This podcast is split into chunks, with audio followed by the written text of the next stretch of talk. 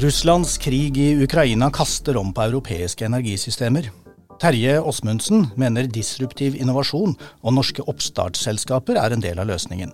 Han leder selskapet Empower New Energy, som investerer i fornybar energi. Han er gjest i Innopoden sammen med Håkon Haugli og meg, Kjetil Svorkmo Bergman. Terje Åsmundsen, det er hyggelig å ha deg her i Innopoden. Velkommen. Takk. Du har en CV som er så lang at vi kunne nok fylle store deler av denne podkasten bare med å gå gjennom den. Eh, men det skal vi ikke. Det holder å nevne at du var personlig rådgiver for Kåre Willoch da han var statsminister. Du har hatt ledende stillinger i Saga Petroleum, i Alcatel i Paris, Scatec Solar, NHO, Kverner og Universitetsforlaget. Dessuten var du med å starte tenketanken og tidsskriftet Mandag Morgen. Nå er det Empower New Energy som opptar deg. Du er rett og slett grunnlegger og administrerende direktør i selskapet. I tillegg så har du ditt eget investeringsselskap.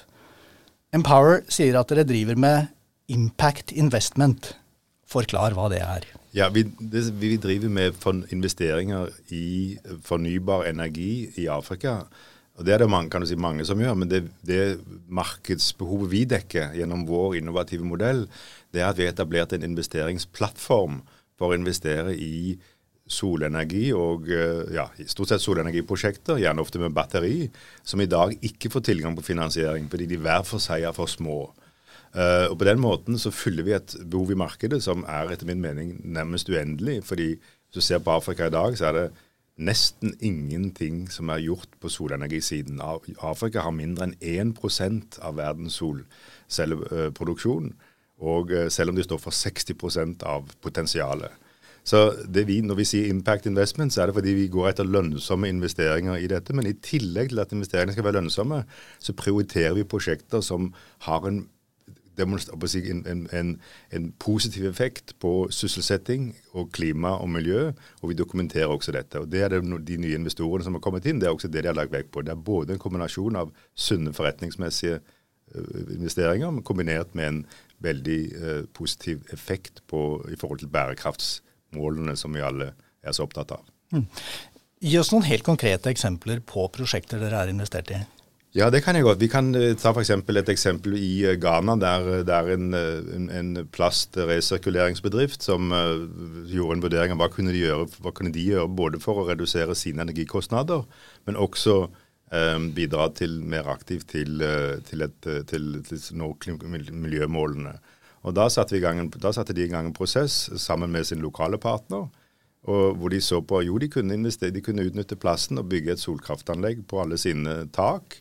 Uh, men de hadde ikke penger til dette. Uh, dette koster det tross alt flere millioner dollar gjerne for et sånt flere, altså 50-15 millioner kroner.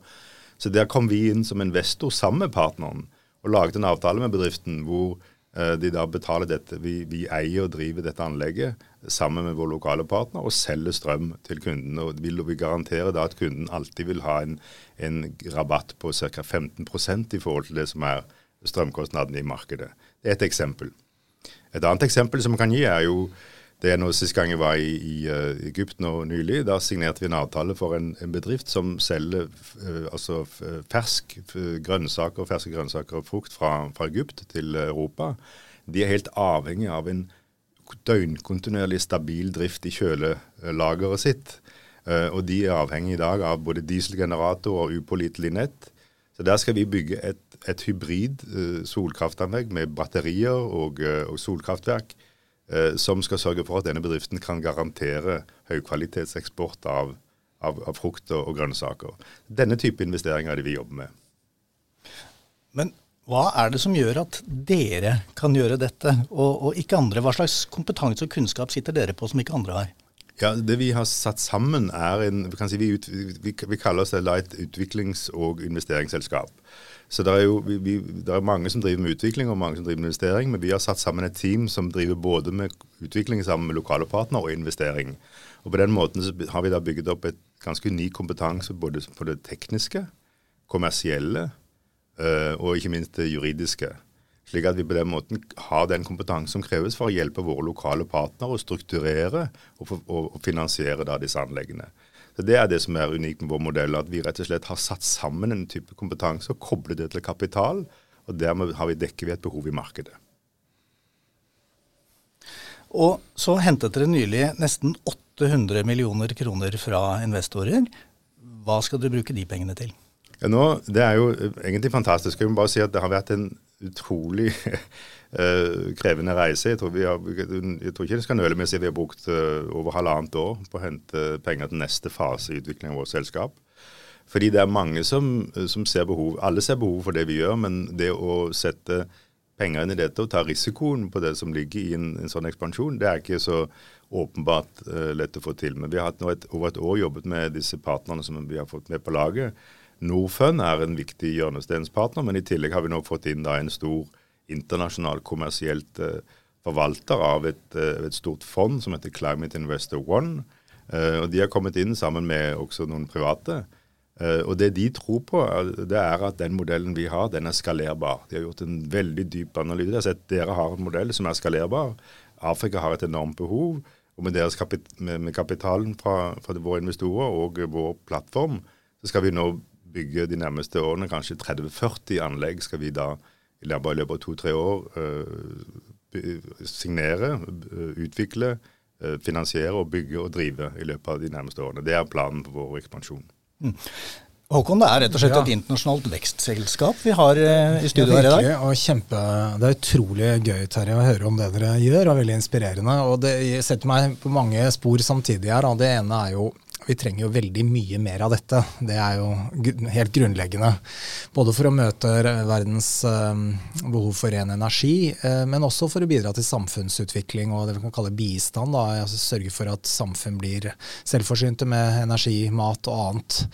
Eh, og Det slår meg da at skottene, særlig i Norge, da, er for tett skifte mellom det vi tenker på som bistand og det vi tenker på som næringsutvikling og investeringer.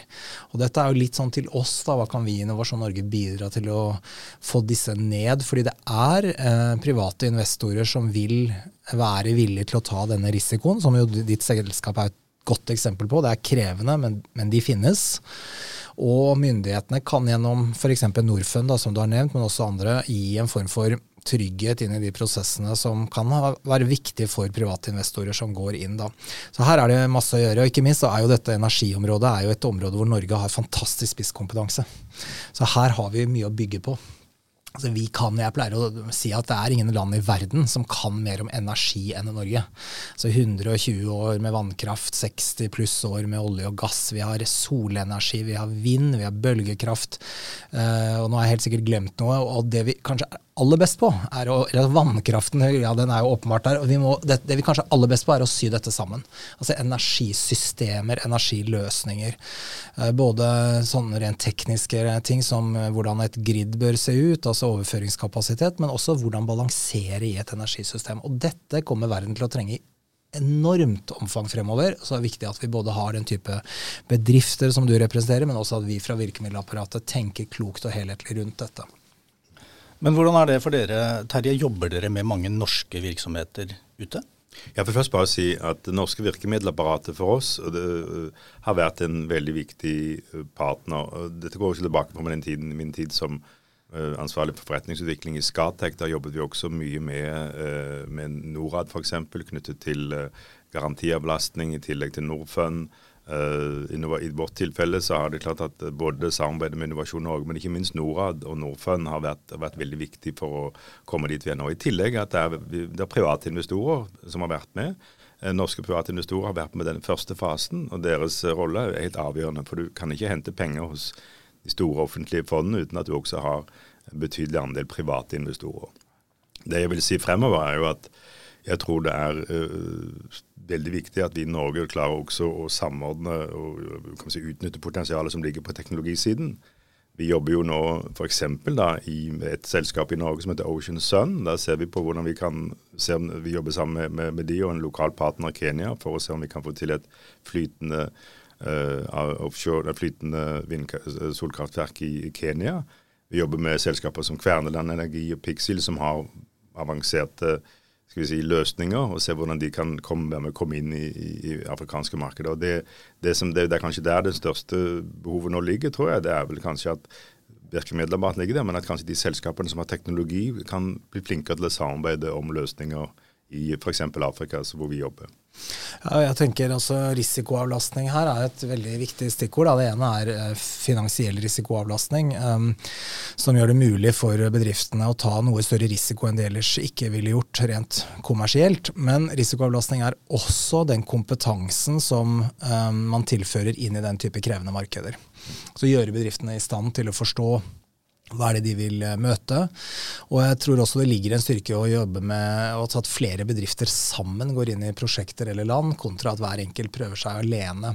Så her har vi litt upløyd mark, da, og jeg tror vi, i hvert fall det er en veldig stimulerende samtale og veldig hyggelig å ha det her, Terje. Og det til oss, da, blir, jeg blir veldig tankefull på hvordan kan vi ta initiativ overfor våre kolleger da, i dette virkemiddelapparatet for å stimulere til mer av det dere gjør.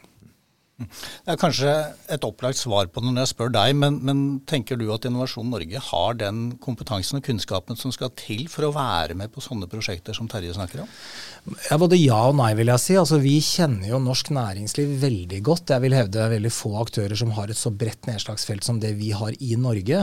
I tillegg har vi jo representasjon ute i en rekke det vi kan kalle både utviklingsmarkeder og en del land som har store behov. Da, altså type India, Vietnam, Kenya osv. Så, videre.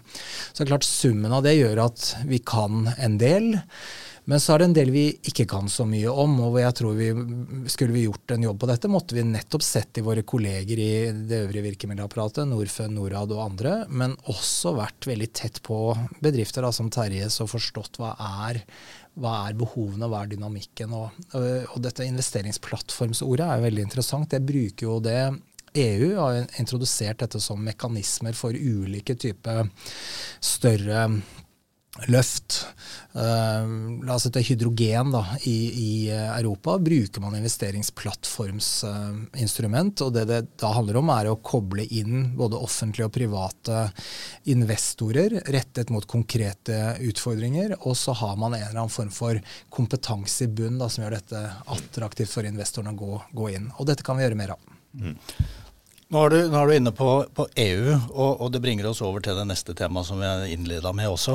Eh, krigen i Ukraina endrer det europeiske energimarkedet. Terje, du mener at norske oppstartsbedrifter eh, og disruptiv innovasjon eh, er noe av løsningen. Forklar hva du mener. Ja, altså For meg startet dette resonnementet etter, etter, etter, etter, at uh, Putin gikk inn i, i Ukraina. Og så, og så, begynte jeg å tenke gjennom hva er det som på en måte vi kan gjøre, og hva er det som skjer som kan være med å forebygge at, eller kan redusere Putins jerngrep både om Europa, men også hvordan disse fossile dikt, si, diktaturene eller uh, regimene som vi liker så dårlig, og som bruker sin makt til å presse frem ting som vi ikke setter noe særlig pris på. Hvordan kan vi redusere deres makt? Og Da er det selvfølgelig kjent uh, med mange av de tradisjonelle løsningene som jobbes med fornybar og, og, og, og energieffektivisering osv. Gass i en overgangsfase. Men det som jeg har oppdaget, da, det er at og det har jeg blitt engasjert i selv, at det er en del spennende selskaper som faktisk jobber med helt nye løsninger, som kan bringe oss enda lenger i dette skiftet. Eh, et eksempel er jo f.eks. luftfarten. Og eh, jeg tror det er lite kjent for, for, mange at i Norge jobbes med å få på plass kanskje det første anlegget som skal produsere elektrofuel, altså e si, syntetiske drivstoff, jeg kaller det gjerne e-kerosen, for luftfarten i Mosjøen. Og, og, Det er et konsortium internasjonalt som har sett at Norge kan bli en interessant si, første fase med produksjonssted for denne type drivstoff. Eh, veldig spennende, men stort eh, behov for partnerskap tror jeg, med både norske myndigheter og, eh, og, lokale myndigheter for å få dette til. Et annet eksempel er, eh, er offshorekompetanse, som vi har mye av i Norge. Det kan ikke bare brukes til offshore vind, men det er også et selskap som, eh, som jeg er litt engasjert i, som heter Solar Duck, som har eh, nederlandsk og norsk si, forankring. De jobber med å se på hvordan flytende offshore solkraft kan bli en del av løsningene for disse store parkene vi kommer til å se offshore i årene fremover. Men også i landmarkene som Empower jobber, hvor det er eh, øysamfunn og andre steder hvor man trenger solkraft, hvor det er mangel på plass. Så, så dette er et eksempel uh, som, som viser at når du begynner å grave litt, så er det faktisk veldig mange gründermiljøer i Skandinavia som besitter ganske som har jobbet med ganske unike ting. Og det som kanskje kreves nå, er at vi passer på at ikke disse initiativene drukner i den store debatten om, om de store skiftene, men at vi også åpner for at disse skal vi si, nye nisjeselskapene kan få utvikle seg til å levere løsninger på de tingene som er ekstra vanskelig å få til. Eh, nemlig, eh, som vi er inne på her, luftfart, eh, eh fornybar til eh, isolerte steder med mangel på plass. Altså det er sånne, Og, og f.eks. også biokull uh, som, som, som, kan erstatte kull en del steder. Så det, det er på en måte min, mitt, måte, kan si, min, mitt, mitt an, viktigste anleggende her. å få frem at hvis vi skal ønske å redusere Putins makt, så, må, så, må vi, så, er det en krig som går hånd i hånd med krigen mot klimaendringer. Og vi har teknologiselskaper i Norge som kan spille en viktig rolle i den forbindelse. Så enormt eh, inspirerende det du beskriver, og helt enig i analysen. og Jeg, bare, jeg blir veldig engasjert og lett å engasjere. Men eh, jeg tenker også sånn Beyonder, da, eh, batterifabrikken i Sandnes, som lager batterier av flis, treflis. Og som dermed erstatter noen av de mineralene som er de mest Eh, altså det er høyest etterspørsel etter, og, og, som jo også har et eh, alvorlig avtrykk da, også et eksempel, eller Kitemill på Voss, som lager uh, vindkraft ved å sette opp drager altså sånn, uh, oppe i lufta. Det er bare et par andre eksempler på disruptiv energiinnovasjon uh, i Norge. Dette har vi mulighet til å få til veldig mye mer av i Norge, og det krever et um, jeg skal bruke dette mye misbrukte ordet økosystem, da, som anerkjenner, eh, og, og greier, vi greier å få dette til å funke. Innovasjon Norge er jo inne i mange av disse bedriftene med lån og, og tilskudd i en tidlig fase. Også det som virkelig er vår utfordring i Norge, er å få skalering. Utløse skalering. Og da krever det helt andre mekanismer å tiltrekke seg privat kapital fra utlandet. Sørge for at eh, det er en sammenhengende kjede. Tilgang på kompetanse blir kjempeviktig for disse bedriftene osv. Men at de kan gjøre en stor forskjell, og at det er en veldig viktig del av svaret både på Europas energiutfordringer og på Norges utfordringer med å bygge nytt næringsliv. Det er jeg 100 sikker på. Mm. Ja, ser du at vi klarer å, å, å, gi disse oppstartsbedriftene det nødvendige løftet for at de virkelig skal kunne vokse seg store? Nei, Jeg vil jo si det sånn at uh, de er alle i forskjellige faser hvor, uh, hvor, hvor, det er behov for nye former for partnerskap og, og finansiering. Uh, det, er, de, de kom, altså, det, er, det, har å gjøre med tempo. Hvor raskt klarer vi å skalere disse virksomhetene. Hvis du f.eks. tar dette med luftfarten, så er det klart at man kan jo sitte og vente til CO2-avgiften blir høy nok til å forsvare dette. Men da ble vi ventende altfor lenge. Norge har et mandat om, et, et, et, mandat som sier at innen 2030 skal eh, vel 30% av drivstoffet i innenriks flyfart være bærekraftig. Da har, vi, da har, vi, bare tiden og veien til å gjøre dette. Og da det kreves det kanskje andre virkemidler enn, bare, enn, å, enn å vente på at CO2-avgiften skal gjøre det lønnsomt. Tilsvarende kan du si på, på, på offshore, flytende offshore sol og, og på biokull. Der, der, ser vi at det er teknologier som er i demonstrasjonsfasen. De fungerer. Uh, og det er spørsmålet om å finne de rette partnerskap og løsninger for å skalere dette. Der tror jeg nok det er behov, det er behov for å tenke litt nytt. Uh, vi har vist på batterisiden at vi får det til. Vi har vist det på offshore vind tror jeg nå at vi får det til. Men det er også en del andre segmenter hvor vi må se på hvordan, hvordan man kan uh, skaffe sørge for at disse bedriftene får tilstrekkelig plattform for å kunne skalere raskere. For det er det vi trenger. Og så er dette ordet disrupsjon utrolig interessant inn i dette også, for det utfordrer noe av det etablerte. På en måte hvor dette glir kanskje ikke like lett av seg selv da, som det som ligger tettere på det vi har gjort tidligere. Så det, og det handler jo også om hvordan vi F.eks. gjennom utdanning og forskning da, skaper eh, arenaer for eh, åpen innovasjon, eh, og at de der helt radikale tankene ikke bare kan tenkes, men også tas ut i en utprøvningsfase. Mm. Så her er det, dette er kjempespennende tema, og utrolig gøy syns jeg at vi har så mange eksempler bare i denne lille samtalen. Med, den, med den endringen i energimarkedet i Europa som vi ser, Eh, retter dere i Empower eh, New Energy blikket mer mot Europa for prosjekter og investeringer også, eller fortsetter dere i Afrika? Ikke I denne fasen hvor vi er nå, så er behovet så nærmest umettelig stort i Afrika. Og det lykkes i en del av de store markedene der, som Egypt, eh, Nigeria, Marokko, Kenya, Ghana. Det er land hvor det er et stort altså hvor det er mer enn nok for oss å gjøre de nærmeste årene. Men det er klart at den, den, den forretningsvirksomheten de bygger opp, og den kompetansen og den, de systemene som, som vi da etter hvert får bygget opp og, og, og skalert, det er klart det kan vi jo etter hvert også bringe inn i nye markeder. Jeg vil si fortrinnsvis fremvoksende markeder. fordi det er der hvor det er behov for si, kapital til den type investeringer i størst mulig grad. Så jeg vil si ja, Latin-Amerika, Asia, men nå er vi mer enn nok med å fokusere på Afrika. Ja. Akkurat. Vi spør ofte gjestene våre her hva ville du sagt til statsministeren hvis du hadde blitt uh, stående sammen med ham på en lang uh, heistur, sånn at du hadde noen minutter? Hva ville du ha sagt? Ja, det ville jeg sagt til statsministeren at uh, nå forberedes det nå uh, klimatoppmøte i, um, i Sharm el-Sheikh i Egypt, COP27. Jeg tror vel også statsministeren skal dit. Um, der hvor Norge tror jeg kan gjøre en viktig forskjell nå, det er å gripe ta en lederrolle i den debatten som står veldig sentralt, også ikke minst for de afrikanske landene. og Det er å finne til en form for karbonfinansiering av uh, den grønne, uh, grønne si, revolusjonen som skal til i utviklingslandene. Det er klart at Hvis du tenker på at karbonprisen i Europa nå er så høy at det er veldig mange grønne investeringer som er lønnsomme, og det samme i USA, hvor du har skattekreditter. I eh, fremvoksende markeder i Afrika har du ikke dette. og Det gjør at eh, fortsatt så er det for lønnsomt å fortsette med det gamle i forhold til det nye. Og jeg tror Mitt, uh, mitt viktigste råd vil være se å få fart på en form for karbonfinansiering av grønne, av det grønne skiftet i Afrika. og Det står på dagsordenen. og der tror jeg Norge, Norge spilte en viktig rolle da det gjaldt skog, skoginitiativet. Det har jo vist seg å være på mange måter et viktig initiativ og verdifullt og, og ført til store resultater, selv om det er en del tilbakeslag. Nå tror jeg den utfordringen er å sørge for at vi bruker de erfaringene vi har fra Europa om karbonfinansiering, og se hvordan det kan utvides til å gjelde nye markeder. Utrolig interessant. Eh, vi pleier også av og til å spørre er det noen som inspirerer deg, noen innovatør som inspirerer deg. Hvem ser du etter for læring og påfyll?